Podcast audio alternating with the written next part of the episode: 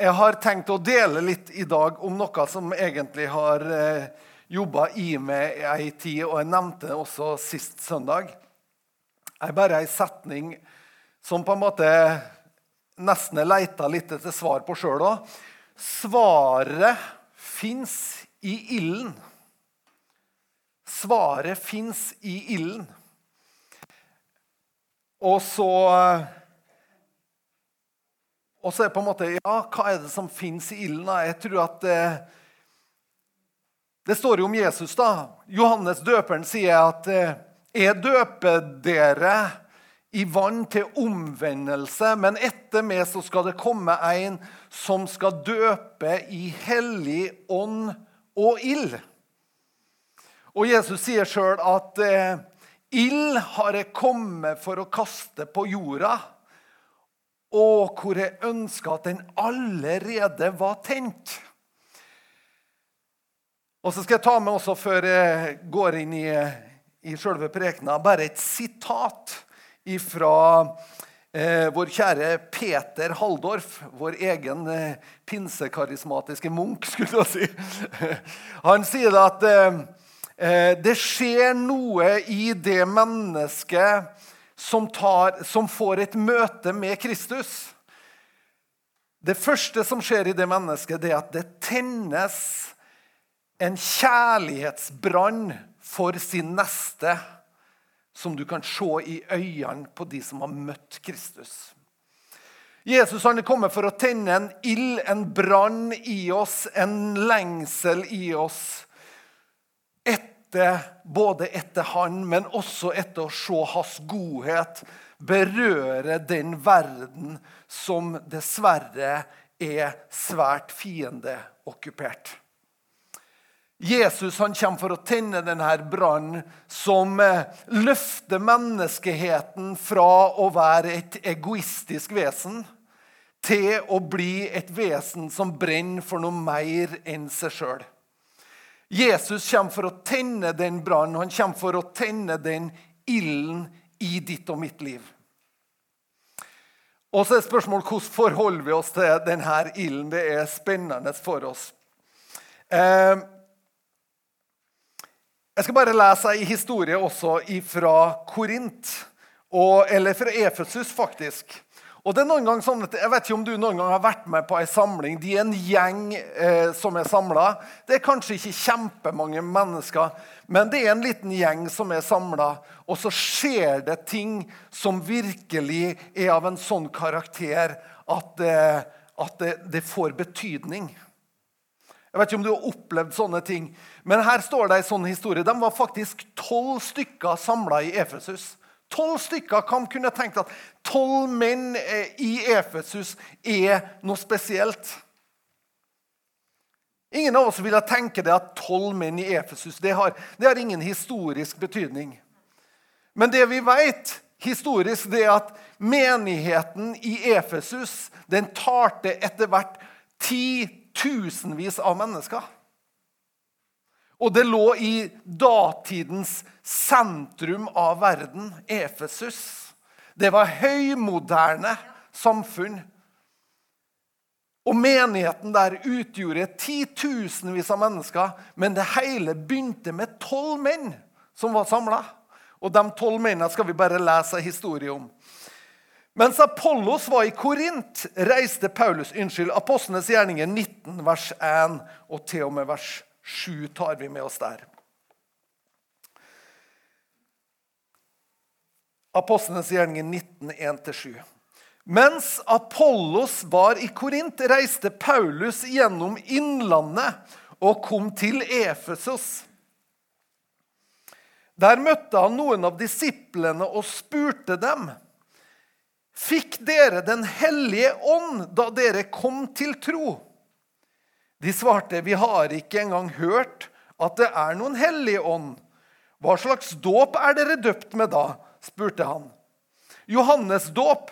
Da svarte de, eh, svarte de. Da sa Paulus, 'Johannes døpte med en dåp til omvendelse.' Han sa til folket at de skulle tro på ham som kom etter ham. Det er Jesus. Etter å ha hørt dette lot de seg døpe i Herren Jesu navn. Og da, tok, eh, da, og da Paulus la hendene på dem, kom Den hellige ånd over dem, og de talte i tunger. og de talte profetisk. Det var omkring tolv menn i alt. Fikk dere Den hellige ånd da dere kom til troen? Forrige søndag hadde vi Sebastian Lie Melen som delte med oss om Den hellige ånd. Veldig flott historie om hvordan Den hellige ånd kom, eller hvordan Jesus ga først løftet om Den hellige ånd, og hvordan Den hellige ånd kom for å utruste oss med kraft. Når jeg kom til troen, da mottok jeg Ånden ganske tett etterpå. Det var bare en liten måned ifra jeg tok imot Jesus til jeg ble døpt i Den hellige ånd. Eh, når vi tar imot Jesus, så står det at vi tar imot Guds ånd på innsida av oss som en pant, eh, som en garanti for, eh, for frelsen og for det livet som har starta opp på innsida av oss. Men så sier Bibelen også at når vi kommer til tro, så skjer det. Men så sier Bibelen at det fins også noe annet, og det er å bli fylt med Den hellige ånd. Eller som en Sebastian sa så flott forrige helg, han sa at når vi tar imot Jesus, så kommer Ånden på innsida av oss. Det er for vår egen del. Men når vi blir fylt, eller når Den hellige ånd kommer over oss, så er det ikke lenger for vår egen skyld. Da er det for vår nestes skyld. Da er det for de menneskene som er rundt oss. Jeg var i et møte, jeg var på et ungdomsmøte i Trondheim, Betel i Trondheim. og Der, der eh, ønska de fram dem som på en måte ville bli åndsdøpt. og Jeg gikk fram, og de la hendene på meg. og og jeg ble døpt i Den hellige ånd. Jeg visste ikke så mye om hva det var, men jeg begynte å tale i tunga, og jeg opplevde at det ble tent en brann på innsida. Den hellige ånd den er drivkraft, Den hellige ånd er livgiver, Den hellige ånd er veileder, Den hellige ånd er trøster. Han er kraftkilde, han er visdom ifra Gud. Han er mye, mye mer. Den hellige ånd er vår utrustning for at vi skal kunne følge de drømmene, tankene og hensiktene som Gud legger ned i våre liv. I mitt liv så ble det nesten umiddelbart strid rundt den ilden som var tent. Jeg har en god kompis, Dag Hegseth, som mange av dere kjenner. Vi var begge to unge og ferske i troa, og vi brant for å bringe evangeliet ut. Vi brant for at andre skulle få del av evangeliet. Vi brant skikkelig, altså. Vi var skikkelig, vi hadde møter. Eh, vi var så brennende at vi hadde møter hver kveld. så vi var ivrige, da. Jeg skjønner jo det at eh, Og umiddelbart så ble det en strid rundt den ilden som var tent. Og Jeg husker så godt en dag vi ble innkalt på teppet til presten på Tingvoll. Eh, og han, eh, Vi satt ned på prestekontoret sammen med en herlig mann. Eh, veldig flott mann som jeg har fått så mye godt av. Magne Hjorthaug heter han. Og Vi satt ned og Magne fortalte oss i flotte bilder eh, og forklarte hvorfor jeg dag måtte roe oss ned og heller komme inn i en troens hvile og kjenne liksom at ankeret var festa bak forhenget. Og jeg husker ennå i dag hva han sa til oss. Og vi gikk derifra en dag Hegseth, og vi var enige om at ja, vi må roe oss ned. Og På Tingvoll så ligger jo kirka nede ved sjøen, og vi bodde oppe i Einlia, oppe i boligfeltet. Jeg husker det var falt litt nysnø, og vi gikk opp derifra. Og En dag vi samtalte om hvordan vi skulle falle til hvile i troa, og hvordan vi kunne roe oss ned og la Gud gjøre verket i oss. Og Vi hadde ikke gått lenger enn ca. 400 meter ved å komme til Tingvoll gard. Tingvoll, altså Forskningssenteret for økologisk landbruk, som det i dag heter. Og da kommer Den hellige ånd over oss og sier Den hellige ånd Vær ikke lunkne i iveren, vær brennende i ånden. Og da er det som om alt presten har sagt, er blåst ut, og vi bestemmer oss at Så vi var 400 meter. Da bestemte vi oss for at vi skulle roe ned, og etter 400 meter så bare tentes brannen igjen, og vi skjønte det at det her, vi kan ikke tie stille med det her. Første høsten på Tingvoll etter at vi kom til tro, så ble det 17 ungdommer frelst.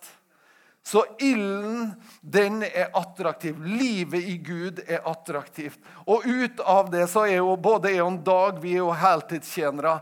Ut av det som skjedde der, så kom hun eh, Sina Salpones, som i dag eh, er kåra til ei av Norges modigste kvinner. En annen mann som jeg nesten ikke husker igjen, han heter Yngvar Aarseth. Han bor i Tyskland. Har planta sju-åtte menigheter i Tyskland. En fantastisk mann som, som har gjort så mye bra i, i, i, Europa og Tyskland spesielt. Men ut av den ilden som var tent, så får ilden ringvirkninger. Og, derfor, og Det er derfor også fienden er livredd for at ilden skal tennes iblant oss. Han er livredd for at fienden ønsker Han syns det er topp om vi er troende, og om, om vi liksom bare holder det for oss sjøl. Om vi går på denne løgna som er på en måte at ja, men troa er en privatsak. Hold det bare for deg sjøl, så går det bra. Det er en sånn løgn i tida at på en måte det her, ja, men det er jo ja, men det er fint for det. Ikke sant? Så den ilden den var tent, og umiddelbart så ble det en strid om den ilden. Og jeg, jeg vet i mitt eget liv at så mange ganger så har det vært en strid rundt den ilden. Jeg husker også når jeg fulgte ilden når jeg skulle gå på bibelskole. så jeg husker Det, var, det skjedde mye den gangen så skjedde mye på Livets Ord i Uppsala. Det var en sånn vekk vekkelse som var når det gjelder rundt Guds ord og det å ta til seg undervisning av Guds ord. Og, og, og, og jeg husker mine foreldre som ga meg velmedende råd om at jeg heller burde søke meg inn på en bibelskole som var litt mer spiselig, som heter Bildøy utafor Bergen. Eh, som Indremisjonen har. Og jeg nesten, gikk nesten med på det. Men, eh, men jeg ba til Gud, og så sa jeg Hellige nå må du lede meg, for det her veit jeg ikke. Og så gikk jeg på Livets ord. Og så vet jeg at for min del så vet jeg at det betydde utrolig mye i skapinga av, av den man sjøl. Men eh, og jeg kan faktisk tenke meg at jeg har sett litt annerledes ut hvis ikke jeg har møtt Annika. Hvis jeg har på en måte gått på en annen bibelskole Annika, vet du, første jeg tenkte når Den hellige ånd visste meg at, jeg, at den hadde ei bra dame for meg som het Annika vet du, første jeg tenkte når jeg, når, det, det, her er sant, altså. Jeg ba, jeg var sånn, det var mange koselige folk, og ikke minst koselige damer, da, på bibelskole. Eh, og og, og, det var sånn Jeg ble litt kjent med flere, og så tenkte jeg, og jeg ba til Gud en dag er det hun eller er det hun. liksom? Så så jeg for meg to damer, og ingen av dem var Annika. Men det var nesten som introduksjon. Jeg vet ikke om noen av dere er så gamle at de husker Dynastiet. Når de forskjellige bilder kom fram av Linda Evans og forskjellige husker, er no, er no, er no, Har vi noen der, liksom? Vi har noen der! Ikke sant? Eh, og så det er bra, altså. Vi har, vi har ungdommer iblant oss. Eh, nei, men i hvert fall, altså, ser, Kjære Gud, er det hun eller er det hun? Og så kommer det et bilde bakfra, liksom, bak de to andre bildene. Så kommer det bare å stille seg foran de andre to bildene, og det er jo Annika. Og vet du hva det første jeg tenker når jeg ser bilde av Annika? Det er da må jeg holde meg i ånden. Det er respekt. Jeg tenker, Da må jeg holde meg i ånden. Da liksom, da, da for hun, Jeg hadde respekt for Annika før jeg, før jeg kjente henne godt. Så hadde jeg respekt for den brannen som jeg, jeg, så i livet hennes. Men det har også vært en god hjelp for meg for å holde brannen i livet.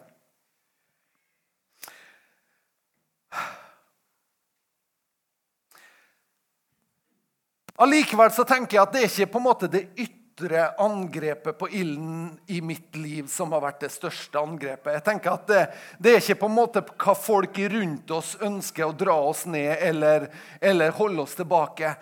Jeg har sett så mange, mange ganger så handler det mye mye mer faktisk om hva det er som foregår på innsida av mitt eget liv. Hva er det som skjer? Hvilke valg tar jeg? Hva tillater jeg i mitt eget liv? Og hva, hva gir jeg rom og plass i mitt eget liv? Ehm, Det er nesten sånn at en ytre fiende imot det som bor på innsida, det er nesten bare noe som er med å skjerpe oss. Veldig mange mange ganger så er det sånn at det skjerper oss og gjør at vi er enda mer på enn, en på en måte vi ville ha vært hvis vi ikke hatt litt motstand. Eh, men for min del, og jeg tror det gjelder oss alle sammen, så er det mye verre på en måte når du og jeg i våre prioriteringer, i de problemer som møter oss, så, så merker vi at vi, vi, vi, drifter litt bort. Vi på en måte beveger oss litt eh, til sides. Vi kanskje glir litt unna, sakte, men sikkert. Så er ting ikke lenger så farlig. Eh, det er ikke lenger så farlig, det er ikke lenger så nøye. Det er ikke lenger sånn at ja, men spiller det noen rolle? Jeg har kommet litt på avstand. Og Jeg vet ikke, jeg regner med at du på lik linje med meg har hatt sånne perioder i livet ditt da du på en måte, skal du være helt ærlig, så har du sklidd litt på avstand. Du har nå mulighet til å betrakte det hele fra en annen posisjon. Du ser det litt på avstand, og så tenker du Er det så farlig, da? Er det så nøye? Er det så Ja, men det kan vel ikke være så farlig? Vi drifter av gårde. Og så blir på en måte ilden, brannen, lengselen og hensikten som er lagt ned i oss alle sammen, den blir litt sånn på avstand. Og så blir det litt behagelig òg. For Jesus sier når han kommer for å kaste ild på jorda, så sier han at Gid den allerede brant. Jeg hadde ønska at den allerede var tent. Men så sier han men den ilden kommer til å koste. Den ilden jeg kaster, den vil forårsake strid. Den vil forårsake splittelse. Den vil forårsake at familier deles, sier faktisk Jesus. Ja, men Jesus, det, altså det er sånn, Jeg vet ikke om du har noen sånne vers noen gang, men jeg har noen sånne vers at Jesus, hva sier du egentlig nå? Ja, men Jesus, Du er jo den her bra typen som gjør alt koselig og bra. er jo ikke det? Nei, men han er ikke det. For det skjer noe når ilden tennes i et liv. Så skjer det også noe som er av en korrigering av kursen. Det skjer en korriger automatisk korrigering av kursen som gjør at plutselig så spiller det en rolle. Plutselig så er det avgjørende at det kompasset som leder oss på innsida, vi gir det rett. Kanskje i moralske spørsmål. Kanskje vi er oppvokst i en familie der vi er vant til å karre til oss sjøl. Vi er vant til på en måte å skape vår egen lykke ved å tråkke på andre mennesker. Og så plutselig, midt i en sånn familie, så skjer det at Guds ånd berører et familiemedlem som plutselig står opp og sier du, det her kan vi ikke gjøre lenger. Det her er ikke rett at vi beriker oss på denne måten. Det er ikke rett at vi er til byrde for andre mennesker. Det er ikke rett lenger. Og hva skjer da den familien? Plutselig så blir det strid rundt ting vi egentlig har vært enige om hele veien. Plutselig så kommer det et lys inn som sier at nei, det her kan ikke godta. For det her er ikke måten Gud bringer sin velsignelse og sitt liv. Ilden skaper også skiller. Det er sånn at ilden faktisk eh, utfordrer det og meg. Vi tenker Mange ganger så tenker vi oi, bare da det kommer vekkelse, det har blitt så fint, og alle har blitt så glad, og det har vært kjempekoselig. ikke sant?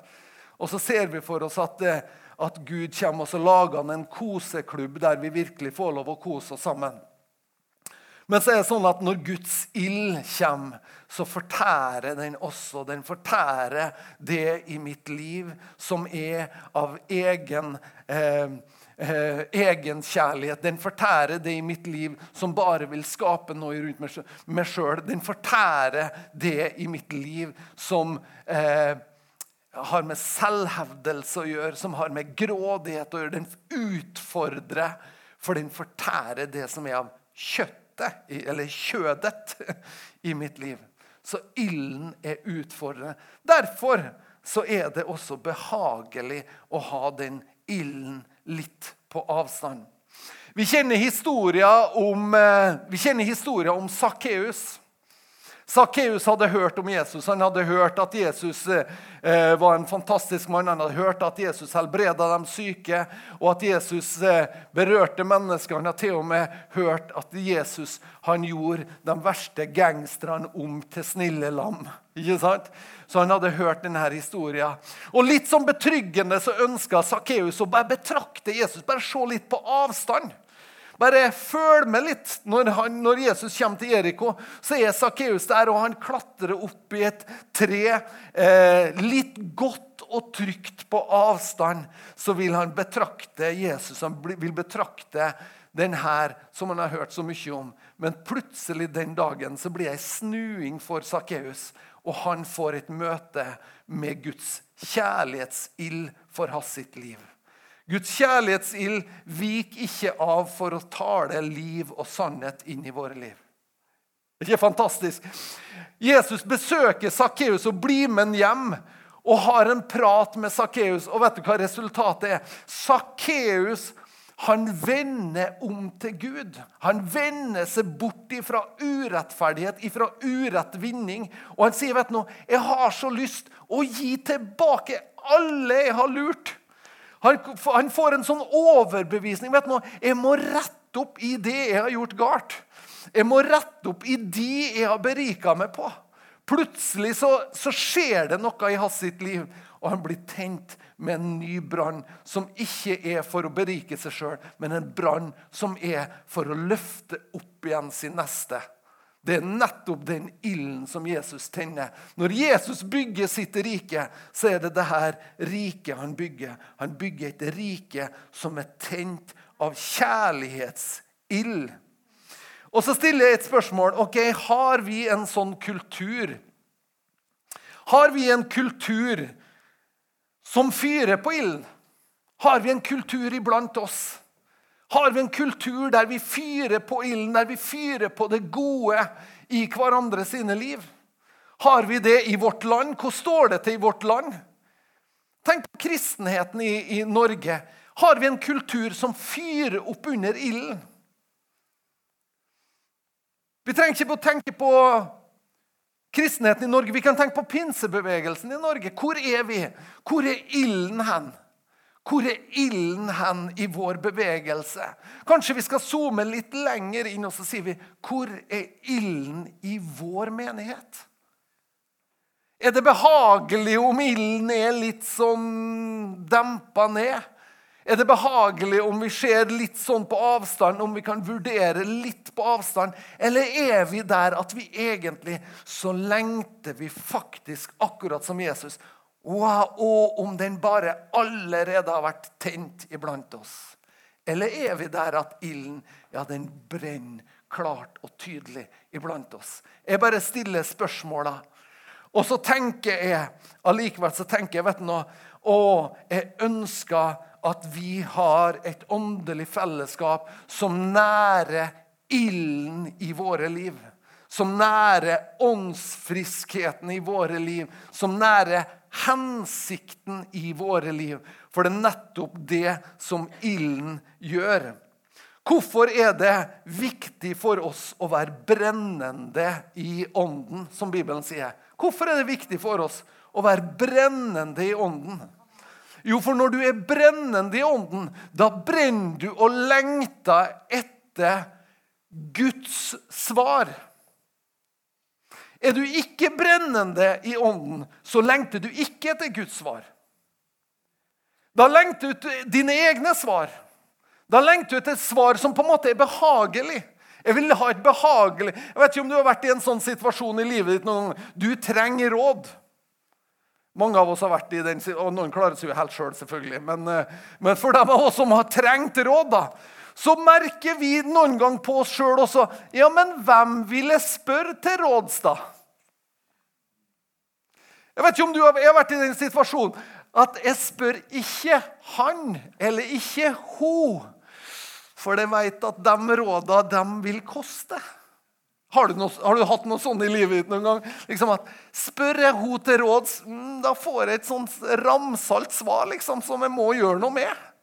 Så jeg tror heller jeg går til han, for jeg vet at han å, han er så mild og fin. Hæ?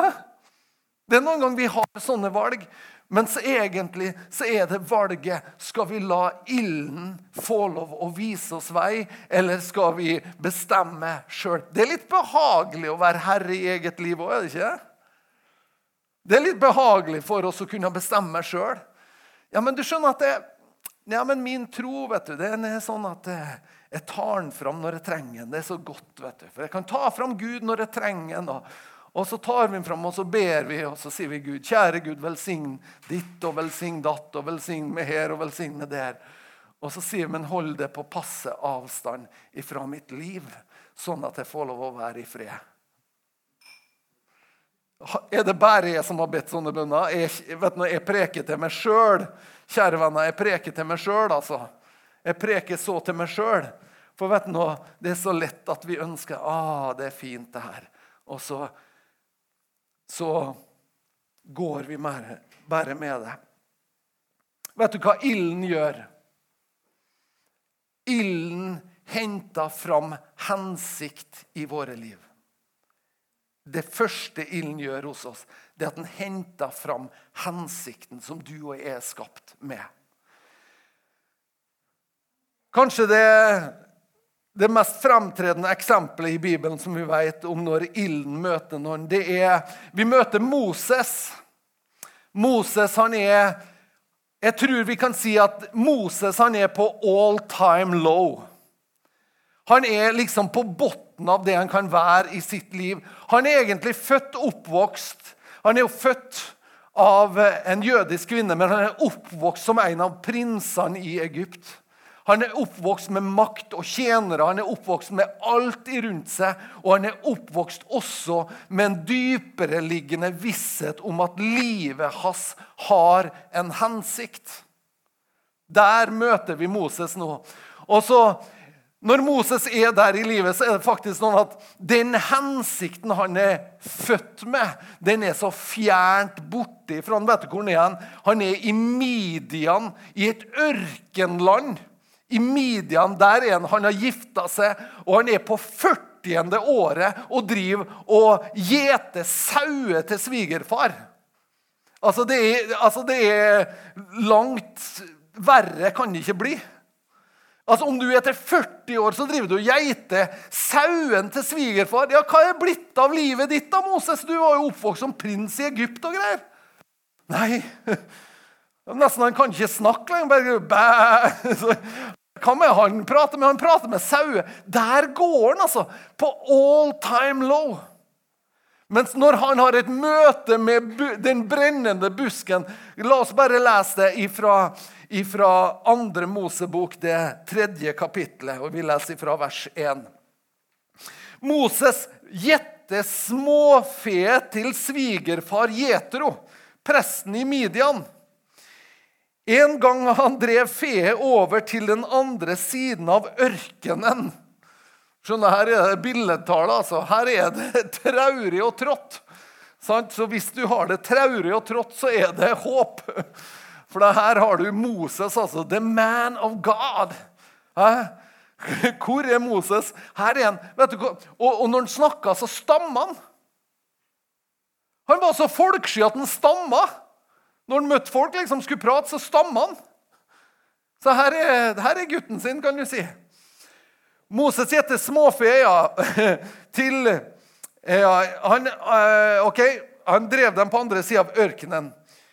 Kom han til Guds fjell, Horeb. Da visste Herrens enger seg foran i en flammende ild som sto opp fra en tornebusk.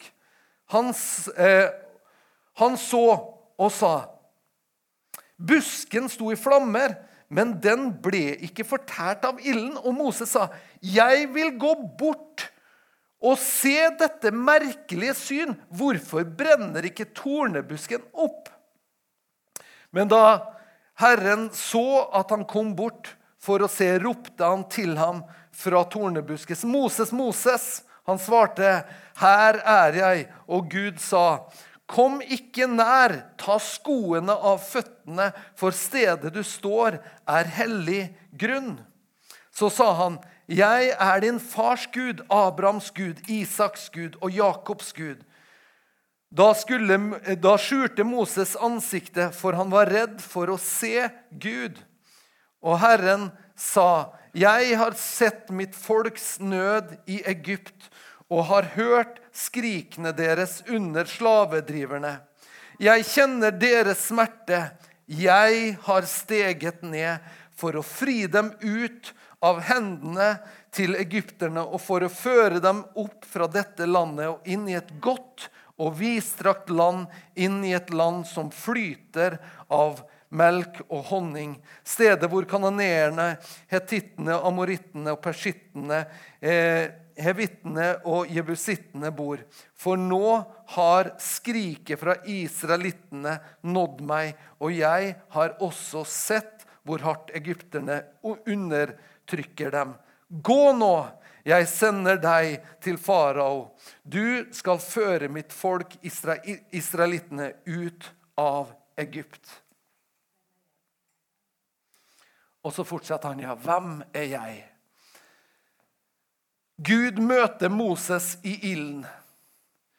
Og det første det første som vekkes i Moses, det er på en måte Jeg har en liten lengsel etter å se. Jeg vil, jeg vil komme litt nærmere. Jeg vil se hva det her dreier seg om.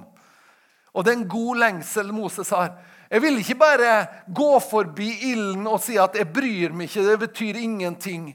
Men jeg vil komme litt nærmere. Jeg vil sjekke ut hva er det som skjer når, de, når det, det, er en sånn ild som brenner uten at tornebusken blir fortært. Og så kan vi si mye om det, men det er noe også når mennesker år etter år har en ild og en brann og en lengsel, så fortærer det noe uten at det fortærer dem, uten at det ødelegger livet deres, så har de en motor som bare holder det gående som holder visjon brennende, som holder hensikt gående i liv. La oss komme litt nærmere og se.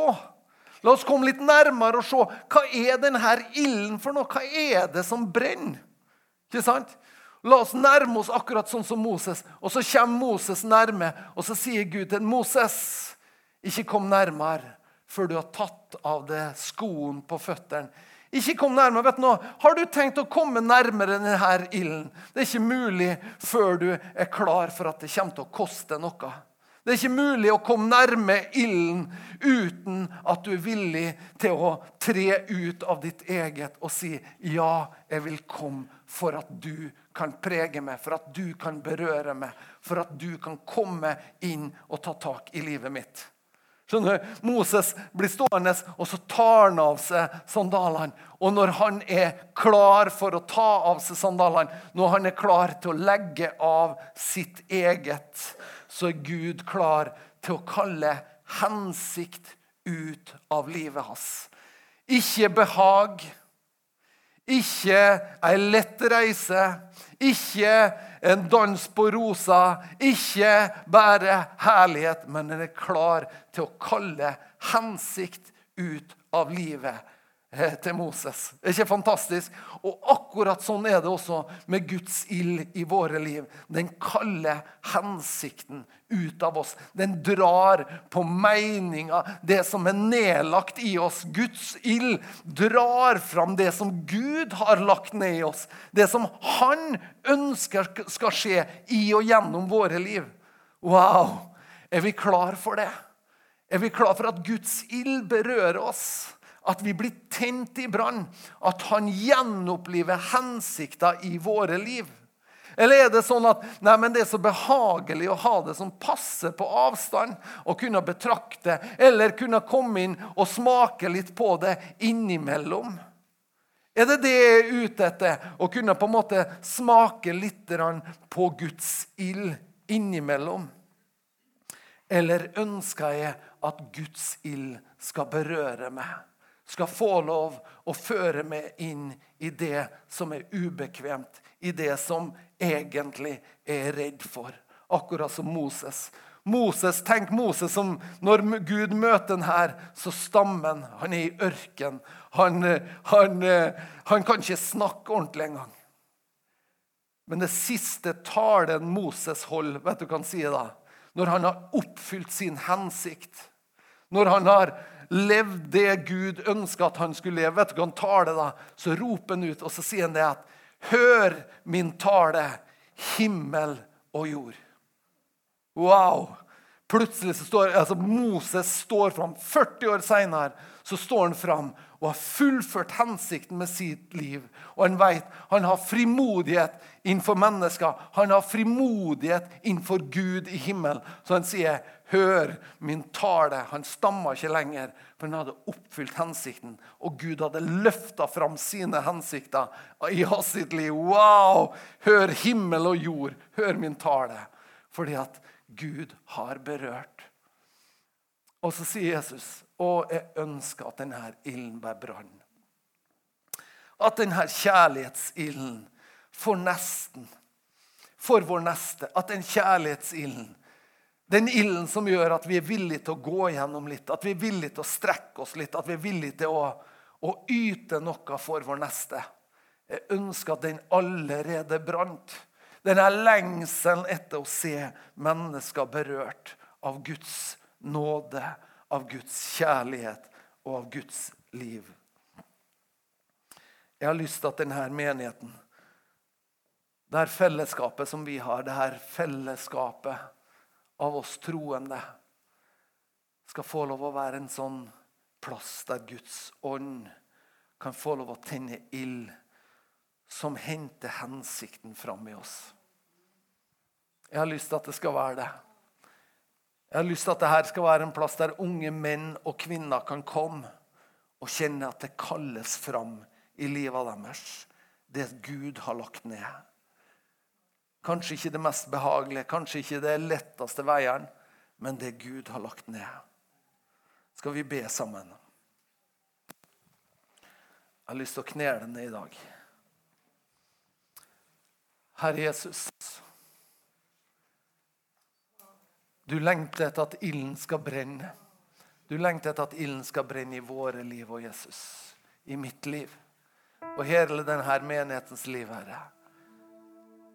Herre Jesus, vi vet at svarene fins ikke i våre egne tanker, våre egne planer, våre egne veier.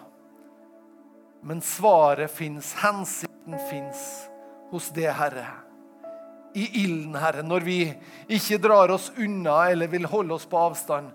Men svarene som du vil gi, Herre, de fins når vi trekker oss nær, når vi tør å nærme oss, når vi tør å møte deg, når vi tør å møte dine hensikter, Herre.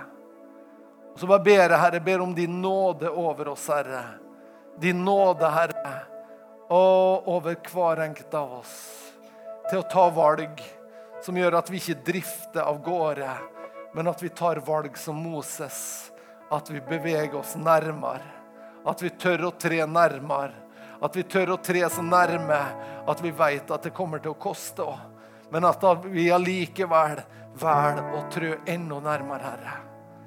Vi ber om at du skal tenne ild iblant oss, Herre. Hellige Ånd må du komme med ditt nærvær. Hellige Ånd, må du komme og med din kraft. Hellige Ånd, må du komme med ditt liv, med ditt lys. Hellige Ånd, kom. Kom, Hellige Ånd. Vi ber om det. Å, vi ber om det. Å, vi takker det.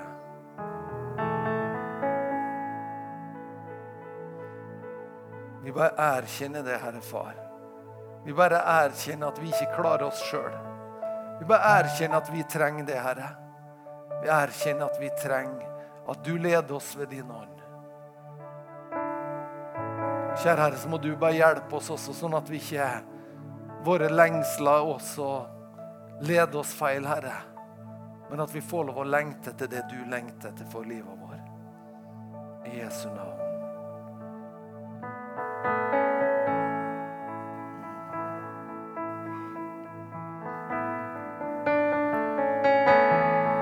Hva er det ingen utvei vi vil, eller nød.